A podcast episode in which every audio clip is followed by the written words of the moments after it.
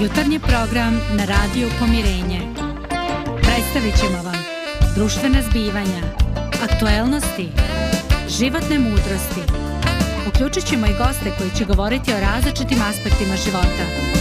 Sve ćemo bogatiti dobrom muzikom. Sve to samo za vas. Jutarnji program.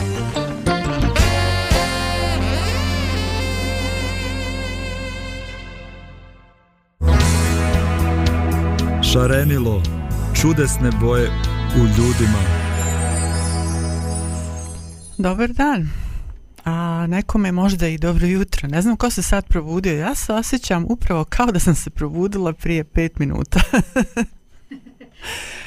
Kako su moji drugari Lidija i, i Božidar? Pa ja mogu da kažem da sam se baš rano jutro probudio.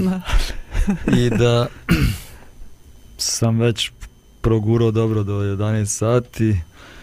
Pa tako čast. da možda popodne malo odspavam. O, divno. E, ja sam nekako jutarnji tip, pa onda nekako mi ovo jutro koji svako onako baš radno. Ja ne znam kako meni prođe vrijeme od 6 do dok ne dođem na posao. Pojma nemam, ali eto prođe. Ja, ja, ja se isto naradim ono ujutru svašta i svačega ovako, ali, ali nisam jutarnji tip. Mm, da, da, da. Evo i Zdravko je tu, ne znam što on misli. da, on je malo dalje nego mi, malo da, da. dalje, onako po navodnim znacima malo da. dalje. Kaži Zdravko, kako se ti osjećaš? A, Ako ne čujemo čuje. te, Zdravko, ne čujemo te. A mi njega ne čujemo. Ok, da, ništa, mi ćemo dalje. Pa... Nema vez, uključit će se. Tako je, tako je. Ništa, ako vi čujete, dragi slušalci, o, neko zujanje ovaj, u toku emisije, znači to više nije ono ona tehnika što je bilo ranije, o, ako ste čuli ranije. To sam ja koja onako pomalo spavam, znate ono... da. Znate ono iz karikatura, znaš, kad, nek, kad neko ono zzz. A, nadam se da se to neće desiti, ovaj... Inače, današnja tema je o slobodi, biti istinski slobodan. Evo, ja odmah deklarišem se kao, ja imam slobodu da zaspem u toku emisije koju ja vodim. imaš, imaš tu slobodu, tako je. Ali mi ti nećemo dati, mi ćemo onako da te mučimo. e, to, to. Da, da. O, Biću vam zahvalno, stvarno. da, da, da, da. Mi se inače, ljudi, osjećamo, um, pa ne mogu reći da se uvijek osjećamo slobodnima, uh, Eh, nekad osjećamo i neki teret, ali smatramo onako u globalu sebe nekim, nekim slobodnim osobama koji žive na nekom slobodnom prostoru. a, pa kad čujemo neke priče o nekim robovima tamo koji su nekad živjeli ili čak na ovim prostorima, nekako bude mm, teško i pomislimo jadni ti ljudi. A sad ne znam šta, šta mislimo o sebi. Uh, šta stvarno misli svako o sebi, da li, da li sam ja slobodan ili slobodna osoba koja živi u slobodnoj državi, na slobodnoj planeti čak. Uh, gdje ste vi kad razmišljali o tome, da li se osjećate slobodnima? Pa jesmo, jesmo, razmišljali smo. Ne znam, kad sam bio mlađi, onda sam slobodu ili neko ropstvo doživljavao više nekako izvana ne znam, ja sam stanovao u internatu, pa tamo su nam davali ograničenja, ne znam kad, dokad možda ideš van, pa ne znam, nija, kad moraš da učiš. Ona me to sputavalo i smatrao sam da to da nisam slobodan. Ili dok sam bio mali dječak kući, isto sam smatrao da me roditelji sputavaju da budem slobodan. Znači uvijek je to nešto bilo izvana, ali evo što sam stariji, to sve više shvatam da postoje mnogo ozbiljnija ropstva od onih vanjskih robstava, robstvo gdje sam ja sam sebi rob, gdje mogu, ne mogu da pobjedim neke svoje slabosti, gdje ne mogu da pobjedim neke svoje navike, gdje primjećujem da one upravljaju mojim životom, da ja robujem njima. A eto, možemo u toku emisije malo više o, to, o tome da pričamo. Uh. da, da, da. Ovo je bilo opasno. A, je- a, onako na prvu ruku kad sam, e, kad sam nam poslala i, i pitanja i ono o čemu ćemo danas diskutovati, da malo razmislimo o tome, onako na prvu ruku ja sam pomislila pa da, naravno da sam slobodna osoba, odlučujem sama za sebe, to su ono neke godine kad smo mladi pa onda jedva čekamo da izađemo iz toga, pa onda uživamo u toj nekoj, tako reći, slobodi, onda shvatimo da nismo slobodni, da moramo plaćamo račune i tako te neke stvari, ali mm, slo, ja mislim da, evo ja sad o sebi znači govorim, ja težim da budem slobodna. A, ne mogu reći da sam u svemu slobodna i voljela bih da jesam, um, ali nisam u svemu. Aj, pričat ćemo u toku emisije. Vjerojatno ćemo se dotaći nekih stvari, ali ako, ako je pitanje onako opšte prirode za početak, nisam sigurna da sam u potpunosti slobodna. Mhm, Pa ne znam, možete reći ovaj, a, ako imate neku, Aha. neku osnovu na osnovu čega vagate ovaj, da li sam slobodna ili slobodan, ovaj, na osnovu čega ste to zaključili? Mislim da smo i zdravka sad dobili, pa da te čujemo. Da li me imate u O, programu? Da, da, smo svi tu, svi sad smo, sad smo zajedno E, ponovo. super. Zdravko, da li si ti možda čuo pitanje? Ma ja sam sve čuo, samo pitam se što ste me mutirali, što se ne čuje. Da, nije s naše strane. Evo, imaš sad slobodu da govoriš. Tako je. Da, ovaj, ma, mislim, ovaj, kakva sloboda, to je iluzija vijeka u kojem smo živjeli. Ovaj, e, stvarno, e, stvarno ja sam definitivno na onome što sam čuo sad među vama. E, sloboda počine i završava se u mentalnom stavu unutra.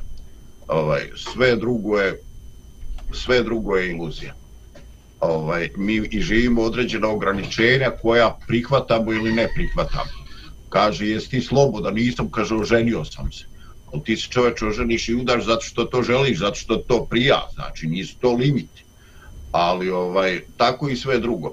Ali bilo kakvi uslovi da su, ako ti to ne doživljavaš, ako to nije tvoj osjećaj, e, unutrašnji, i ako si sam u sebi robuješ nečemu što reče Božedar, nema ništa od e, slobode koja proizilazi iz vanjskih uslova.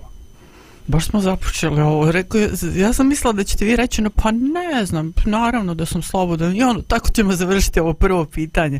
A baš, baš ste onako zagazili dobro u te vode i hvala vam na tome. Da, da. ovaj, Još smo u pličaku, Dragana. a da, samo smo zagrebali. Ovo, oj, zapravo, ovo je jedna zbunjujuća tema. Ako očekujete da, da čujete sad odgovor šta je to sloboda, od mene nećete sigurno čuti. Od, sloboda je zapravo neko stanje svijesti, da. Nešto što se tiče dosta nas samih i da vi, vi ste isto spominjali o tome ta vanjska sloboda i unutrašnja sloboda m, šta je to da šta je od toga jače ili važnije u našem životu e, ne možemo to definisati lako znači slobodu šta je ali je nešto što svi želimo Mhm to se slažete. Mm. ali da li mi to uopšte i koristimo? Ako, ako je već dobijemo da li i koristimo? To je još isto jedno pitanje. Pročitala vam e, jednu priču ovaj um, Dragana, kaži. Pa to tvoje pitanje sada, ako je ovaj pričamo da je želimo, da li je koristimo, pa ti si zagazila duboko. Pa sjećaš se Dostojevskog i velikog inkvizitora. Kaže, ljudi prvo što će da urade kad dobiju slobodu, da potraže nekog pred čije noge će da kleknu i da stave tu svoju slobodu. Dakle, čovjek je nepopravljivu potrebu ima za obožavanjem i za poklanjanjem nekome ili nečemu. Koliko god on nas uvjeravao i pričao da je drugačije.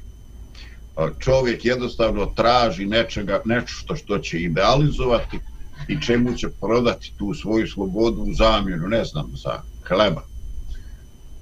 mm, Najčešće je tako, e, koliko god ja sad destruktivno i ružno zvučim, ali puno misaoni ljudi misli upravo tako.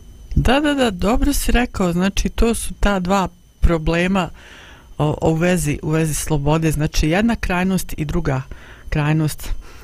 Ovaj, sad, rekla sam, pročitala imam jednu priču, ovaj, tu većina, mislim, vas čula, kada je čovjek jedan prolazio pred uh, nekoliko slonova i zastao je, bio je zbunjen što su ove ogromne životinje vezane nekim malim konopcem za svoju prednju nogu i nisu uopšte bili vezani lancima, nisu bili ni u kavezima, nego jednostavno neki mali konopčić oko njihove noge i to je bilo sve zašto su oni bili vezani za neku, za neku drce. I čovjek kopkalo za, zašto se te velike životinje ne otrgnu, jednostavno ne odu? I tu je stajao čovjek koji je njih u stvari trenirao. I ovaj drugi je prišao i pitao ga zašto vi slonovi se jednostavno ne odu odavde? E, onda je mu je on odgovorio kad su bili veoma mladi i manji, mnogo manji koristili smo konopac iste veličine da bismo ih vezali i tada je to bilo, kaže, sasvim dovoljno da ih zadrži a kako su odrastali, oni su i dalje oni i dalje vjeruju da ih taj mali konopac drži i kaže, zato nikada oni ne pokušavaju da pobjegnu Da li, da li to ima veze neki sa nama? Da li smo mi vezani nekim malim, malim konopčićima koji su bili u našoj prošlosti, u našem djetinstvu, u našoj mladosti? Ali ništa. Ovaj, razmišljate i vi o ovom pitanju, a nastavit ćemo dalje nakon jedne male muzičke pauzice. Može, evo ide muzika. Muzika.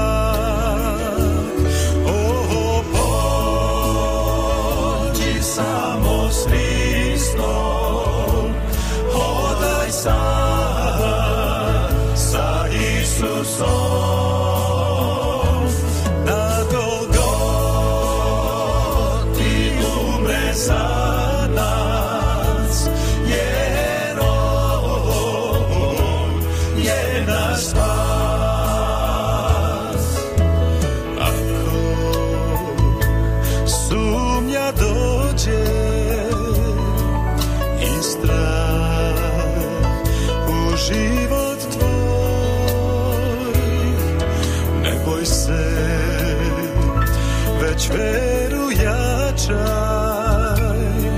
zato sam.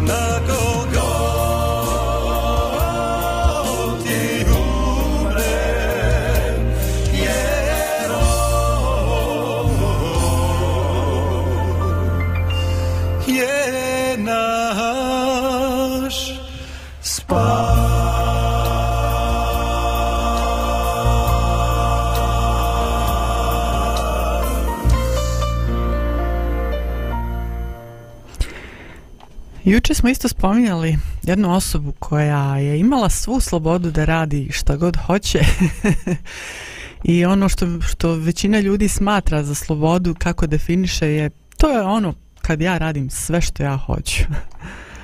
E sad, da li je to stvarno sloboda ili je to nešto što se naziva drugim imenom, ne znam, ali ovaj, razmišljajte i o tome. Mislila sam da ova priča će biti ovako jedna obična pričica o slonovima i o, i o čovjeku koji je bio zbunjen zašto ti slonovi nisu slobodni s obzirom na svoju veličinu i na moć.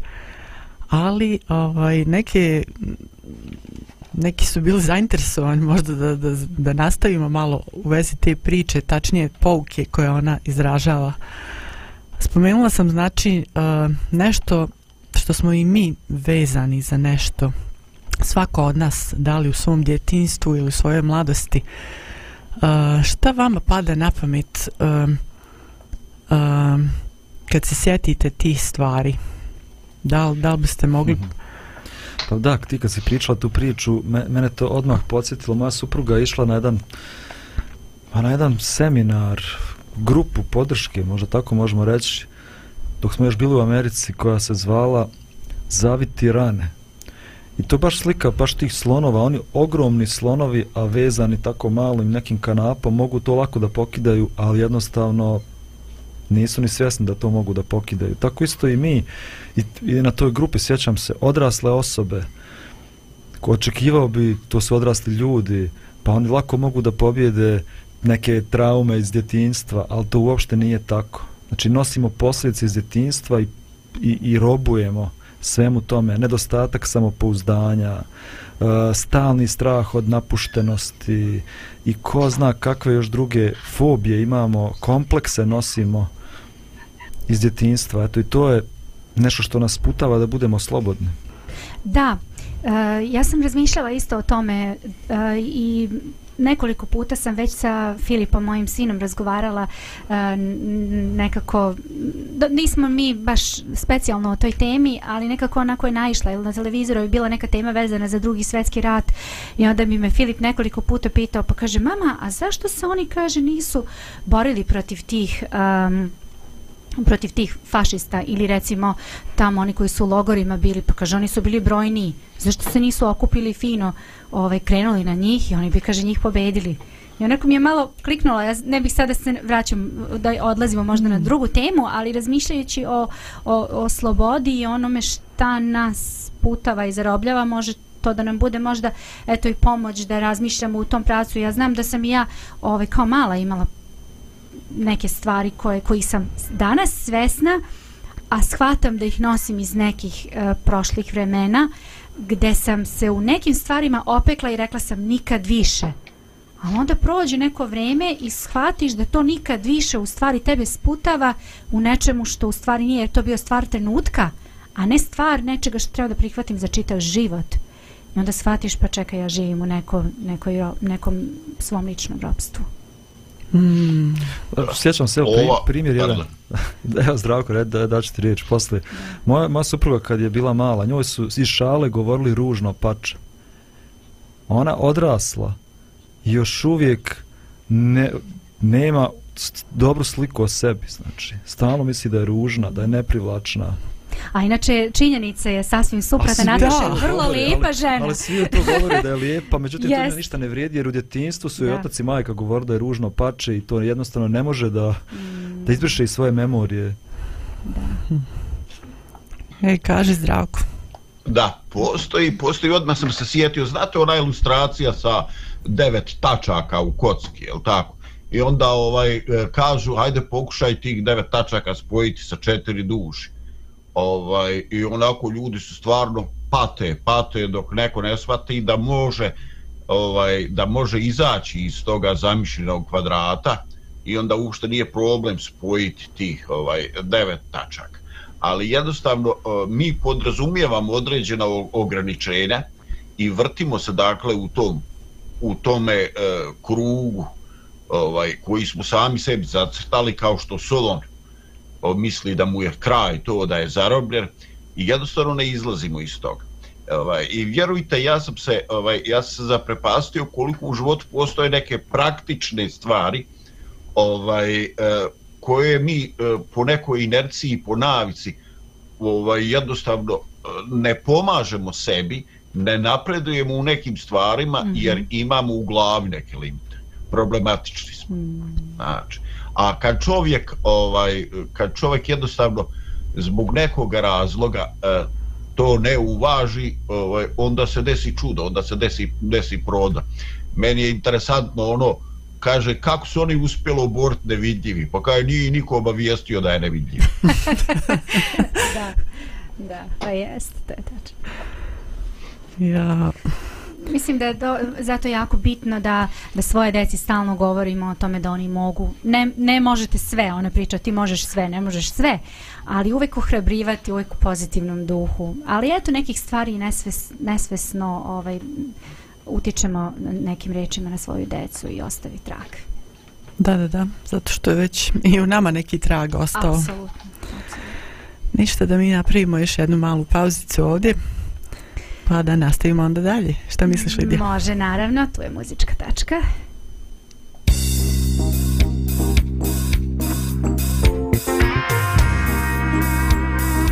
Radio Pomirenje.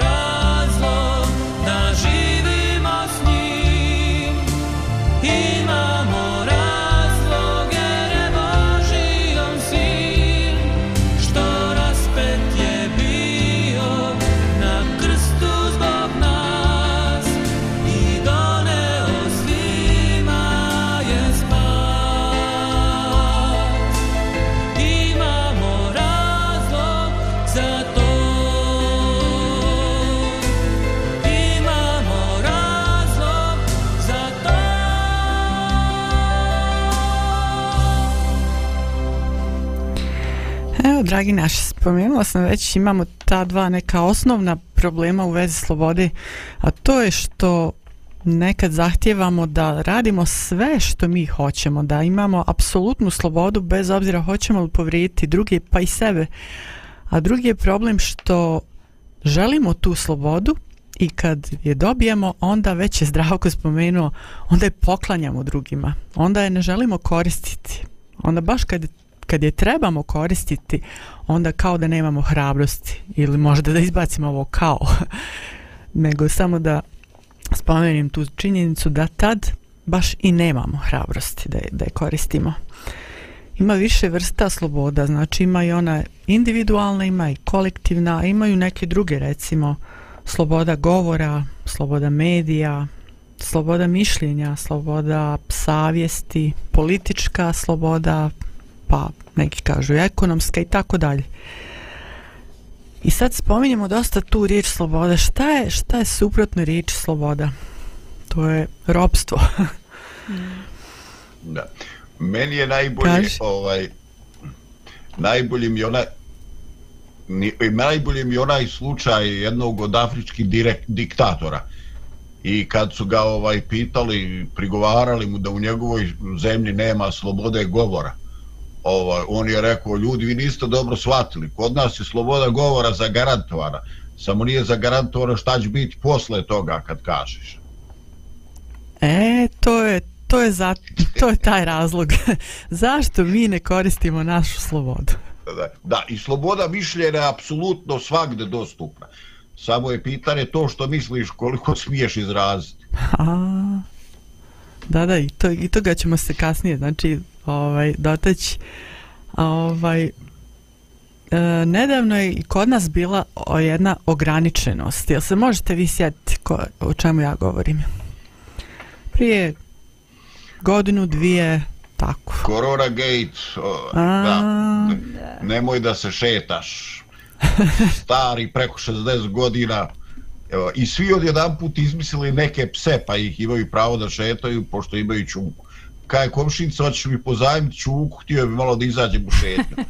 Kaj do ljudi malo stante, pa ti sve treći komšija koji traži, pašće mi pseto s nogu sa vama. Da, da, kako ste vi provodili to vrijeme u, kad je bila korona? pa, Znaš kako, evo sad kad spominjemo koronu, ja ovaj, sećam se da smo u tom periodu negde par meseci pre toga doselili iz Sarajeva u Banja Luku i baš smo onako nekako uleteli u čitav taj posao, u sistem života, znate kako je, mora, morate se prilagoditi, krenuti i vi i deca u školu i tako. I nekako smo ušli baš onako u tu neku... Mm, u mašinu I baš tako tih prvih mjeseci rekli smo ništa, guramo, idemo, tako mora. Niko te ne pita jel ti možeš ili ne možeš, ili se snalaziš ili se ne snalaziš. I onda je došla korona, znači mi smo doselili negde tamo, hajde kažemo, od 1. septembra računamo krenula škola i to. I tamo negde u, ja, u februaru, tako početkom marta, već je krenula korona. I mogu vam reći da te, to vreme, Znači, kada smo bili kod kuće, kada smo imali više vremena da budemo zajedno, mi je tako puno značilo da sam ja baš uživala u toj, u toj ograničenoj slobodi. Nekako svi su hteli jao, samo da nas puste, samo da deca idu u školu. Super je, ja podržavam, deca treba da idu u školu, to je sve odlično. Ali govorim sad iz naše perspektive, nama je kao porodici to puno značilo. Mi smo baš puno vremena provodili zajedno, išli u prirodu, pomagali deci oko škole, bili jedni s drugima baš onako, za nas lično, to je baš onako, ta sloboda nam je prijala. Ja sam isto to htio da kažem što je Lidija. Znači ja sam se stvarno čudio ljudima koji bore se protiv tih nekih ograničenja, a meni je to bilo najbolje vrijeme u životu. stvarno. Totalno sam izašao iz, onog, iz one moje trke i jurnjave. Mi prvi put u životu jeli zajedno svi kod kuće za stolom. Fini neki ljudi, ja. znači, to baš primjer kako mi doživljavamo nekad ograničenja kao nešto što nam uzima slobodu. A možda ograničenja nam baš vraćaju slobodu. Tako je. Mm, to je baš zanimljivo. Da. Da, da, da. Uh, ba, baš to, ograničenja i, slo, ograničenja i sloboda nije isto. Ti mm. možeš biti slobodan u okviru ograničenja. To je možda ono o čemu pričamo. Mhm. Mm A današnje vrijeme kako je, znači, uh, uh, imaju neke, znači, uh, pozitivne stvari koje, koje su nam poklonjene, da tako kažem. Ali uh, ako danas nisi osoba koja uh, ako si osoba koja ne prima te stvari, koja se suprotno ponaša, e, danas si popularan jako. Mm. Znači, govorimo o nekim plemenitim stvarima, o uh, slobodi koju daješ sebi, ali slobodi koju daješ i drugima, znači i lijepo ponašanje i uh, sloboda mišljenja je u pitanju, ali zavisi kakvo mišljenje, da li ćeš istresti sve što misliš uh, loše o nekome ili ćeš reći fine stvari, znači e, danas je vrijeme kada, kada te plemenite stvari nisu toliko popularne jer ljudi misle to upravo što si ti rekla Lidija znači ako, ako imaš tu uh, neku bilo kakvu ograničenost onda ti više nisi slobodan čovjek mm. Ovaj, pa uh, ako dozvoliš, Kaži. Ovaj, definitivno na društvenim mrežama sam nekoliko puta naišao na situaciju gdje ljudi uh, kažu nešto žestoko, pa se onda izvinjavaju i kažu ja sam jednostavno takav, ja sam iskren čovjek. I onda se javi neko tamo obično ti stari i kaže čoveče nisi iskren, tebi fali kućni odgoj, ti si bezobrazan u stvari. Ovaj, znači iskrenost ne znači sve ono što mi dođe na pamet da kažem, jer ovaj ne možeš biti siguran u sve ono što ti dođe na pamet. Ovaj jer e, kao što reče tamo ovaj narodni humor, Pa kaže pa šta hoš sad? Pa ga ja više neću ni ono što ja hoću. Ovaj dakle čovjek e, ima svoje impresije, ima svoje utiske, ali ne možeš biti neki put siguran ni u ona sobstvara osjećanja, a kamoli da tumačiš tuđe misli i tuđe pobude i onda u to iskrenosti mi sebi previše toga dozvolimo. Spomenuh naročito kad imamo uh, himeru, kad imamo lažno uvjerenje da smo zaštićeni zbog toga što nismo ljud, pred ljudima na domet njihovih ruku i očiju, nego da smo u svom stanu i u društvenim mrežama. E, ja ne mislim da tu postoji privatnost i ne mislim da smo zaštićeni i mislim da je i dalje razumno da čovjek e, baš ne bude e, iskren do nivoa bezobrazna bezobrazluk.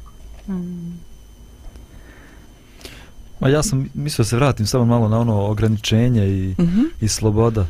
Možda sam jednom pričao nekad još u nekoj emisiji, Viktor Frankl je bio u logoru, sve mu oduzeto, sva njegova porodica ubijena, nikad nije znao da li će on da završi u gasnoj komori ili će njemu reći da čisti pepe oni koji su tamo stradali. Jednom su ga doveli u samicu, skinuli ga potpuno golog, imao je samo jednu klupu na kojoj je mogao da sjedi i da leži. I onda on tu razmišlja o svom životu i shvati iako smo sve uzeli, nešto mu nisu mogli uzeti. A to je sloboda kako će da reaguje na tu situaciju.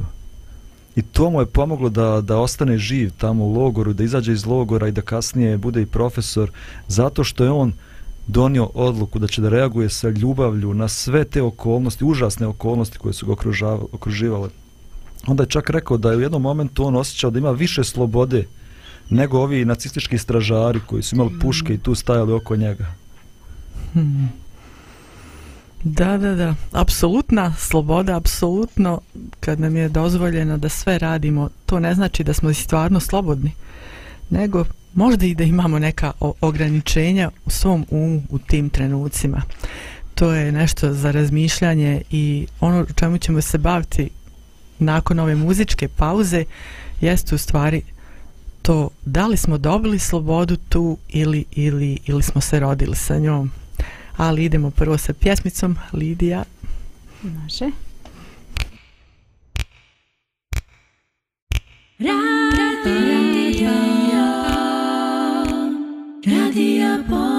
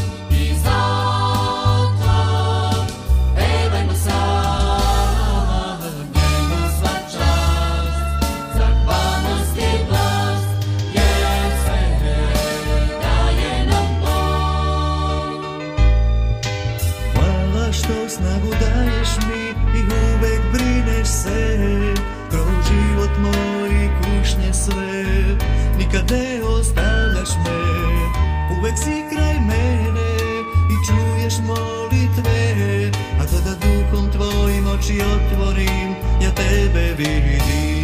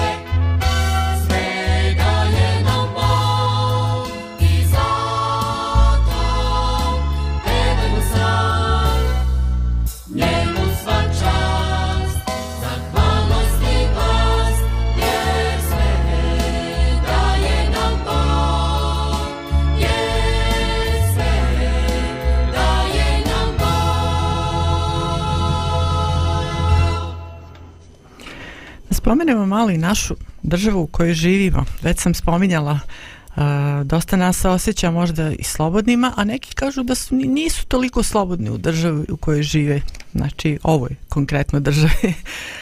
e sad, zavisi od tog unutrašnjeg i osjećaja i zbog čega se mi tako osjećamo kako se osjećamo. Ali sad ću vam pročitati nešto što je vezano za našu državu i to iz Ustava Bosne i Hercegovine, a radi se o članu 9 sloboda mišljenja, savjesti i, i vjeroispovijesti. Kaže prva tačka, svako ima pravo na slobodu mišljenja, savjesti i vjeroispovijesti. Ovo pravo uključuje slobodu da se promijeni vjera ili uvjerenje i slobodu svakog da bilo sam ili zajedno s drugima, javno ili privatno, ispoljava vjeru ili uvjerenje molitvom, podučavanjem, redovnom, redovnim obavljanjem i obredom. I druga tačka kaže sloboda ispoljavanja vjere ili ubjeđenja podvrgava se samo onim ograničenjima koja su propisana zakonom i koja su neophodna u demokratskom društvu u interesu javne sigurnosti radi zaštite javnog reda, zdravlja ili morala ili radi zra, uh, zaštite prava i sloboda drugih. Ne znam da li je ovo prvi put da uh, vi slušate uh, nešto što se tiče ovog člana, znači o slobodi uh, mišljenja, savjesti i vjeroispovijesti, ali uh,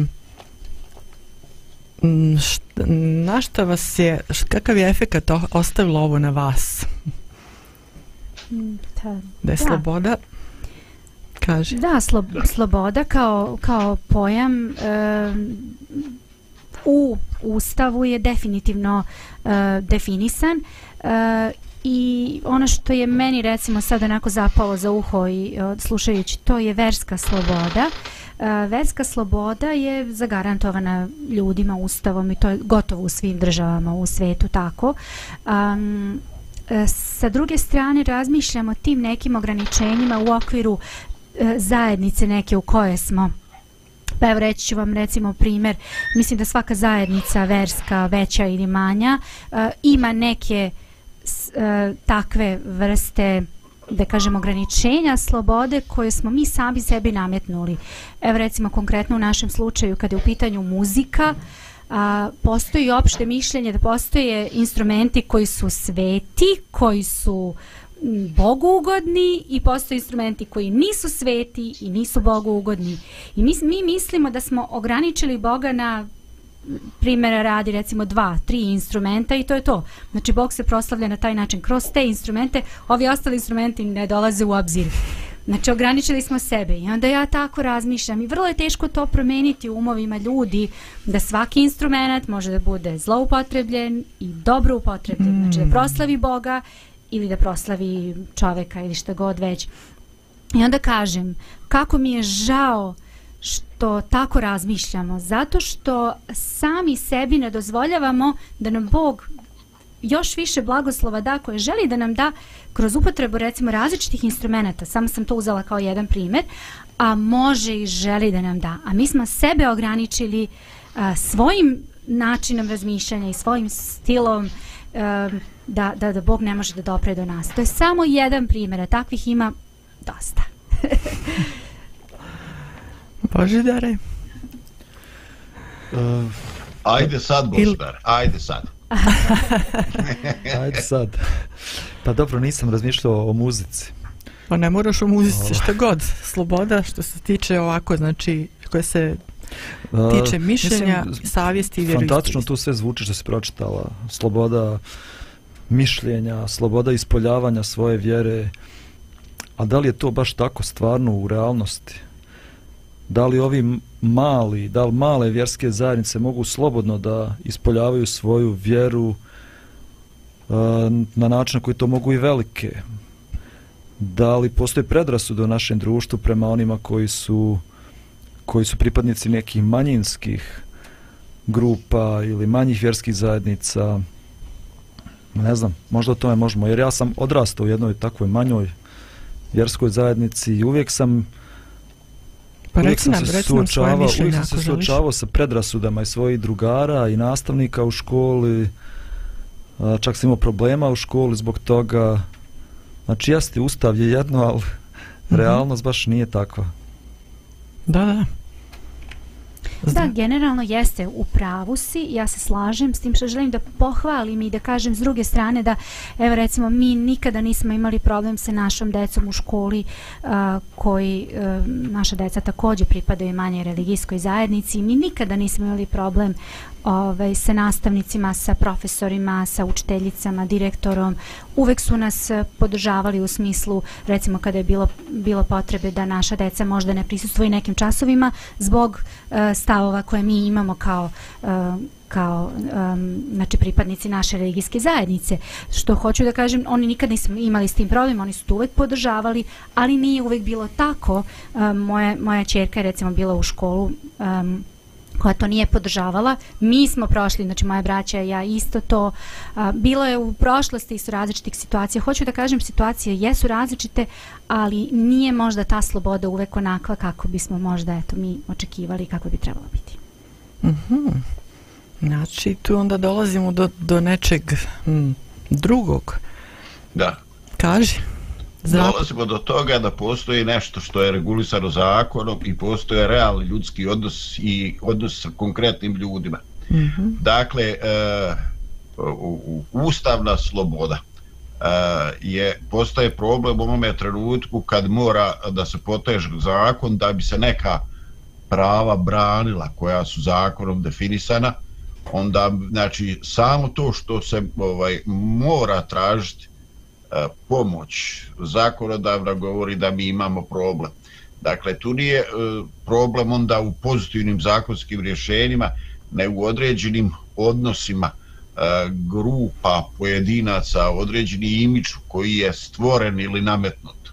Ovaj, tako da tu nikada stvar nije ovaj jednostrana.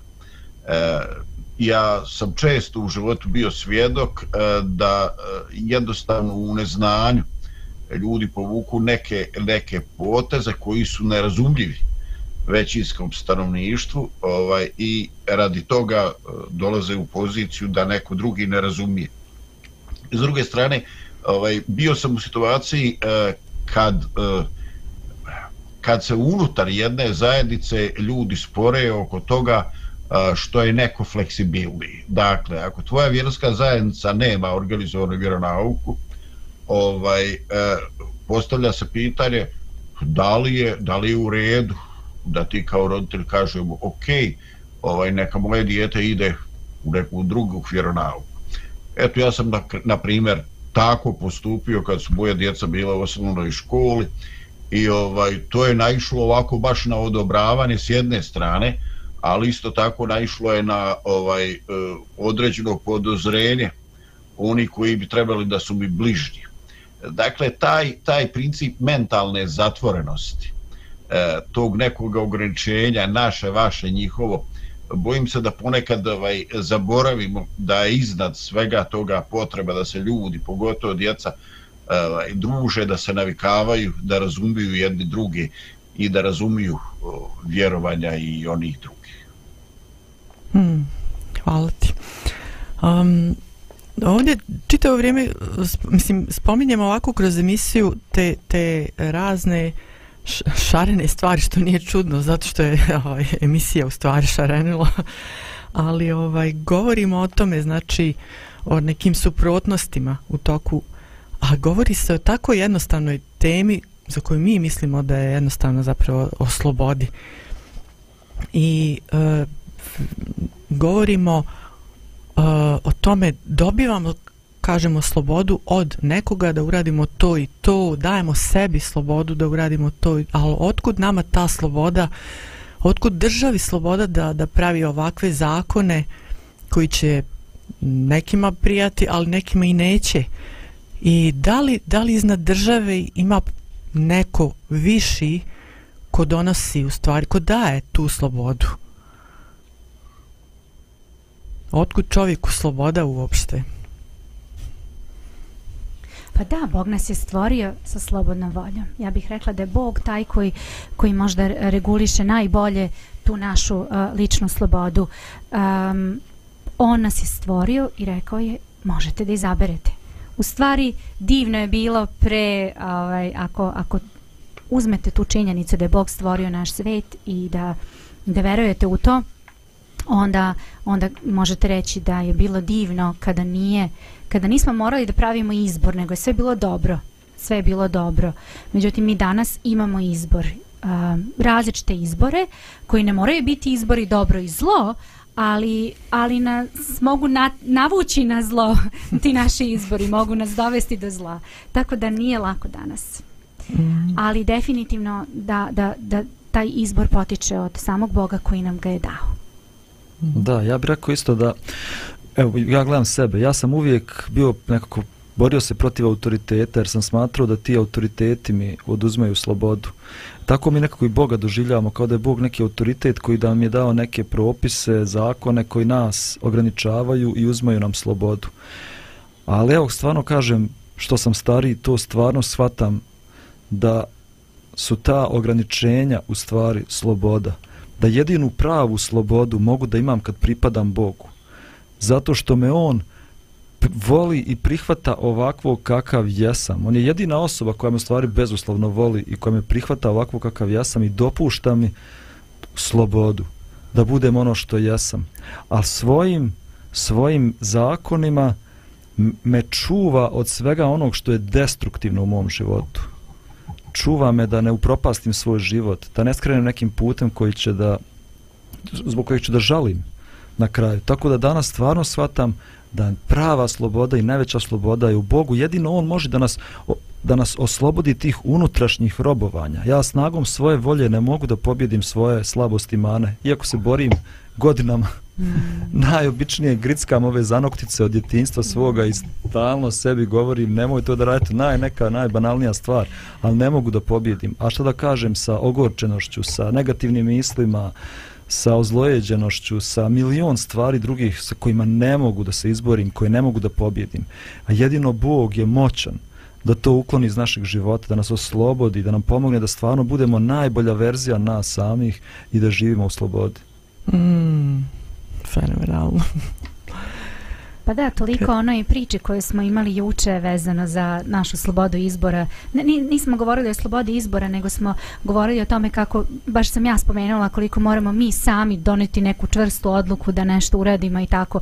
Ali nisam onda ovaj, htela, jer duga je priča, pa nisam htela da to spomenem, ali ovaj taj aspekt o kome sam ja htela možda da govorim juče, a to je da upravo nam Bog daje tu mogućnost, znači da se izborimo protiv nečega jer nam je dao um, dao nam je slobodu, ali s druge strane svojim ograničenjima nam, nam pomaže da nam bude dobro.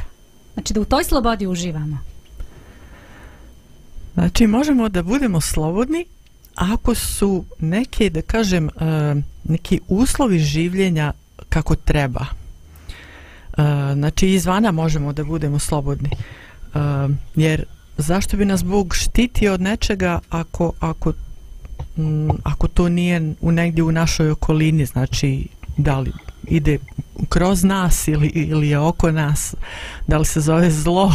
Ili u kojem je, u kojem je sve obliku, znači to, to, to je duga priča, nego jednostavno a, kada si u nekom normalnom svijetu gdje su normalni uslovi, onda onda se ti ne osjećaš zapravo da si ograničen. Mi ako, ako nemamo vazduha osjećamo se ograničenim. A opet želimo da budemo nezavisne osobe, ali čekaj, ja zavisim od toga da li udišem vazduh. mm, mm. I ko je taj koji u stvari stvorio i vazduh i mene? Ja nisam Bog, ja nisam stvoritelj. Znači, ja sam osoba koja zavisi od stvoritelja. Tako je. Sviđalo se to meni ili ne, ali to je dobro zapravo.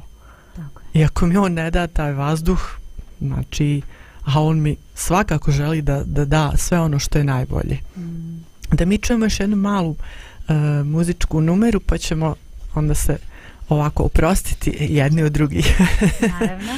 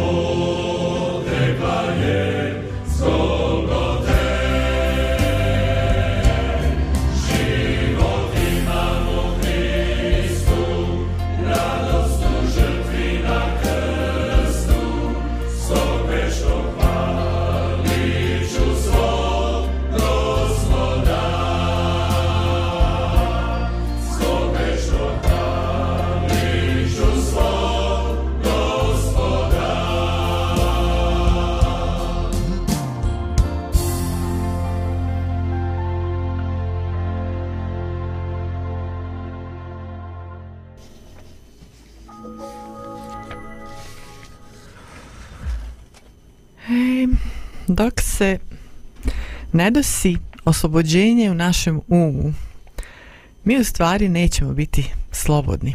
Bez obzira u kakvim se uslovima nalazimo, bez obzira da li smo zarobljeni stvarno negdje u nekom uh, zatvoru, da li smo da li su zakoni takvi da nas ograničavaju raznim stvarima, ali dok se naš um ne oslobodi, uh, mi u stvari nećemo biti slobodne osobe dok ne dobijemo tu stvarnu slobodu koju nam je dao onaj koji nas je istvorio, mi nećemo biti slobodne osobe ili ćemo željeti da budemo iznad te osobe koja je sve stvorila na svijetu.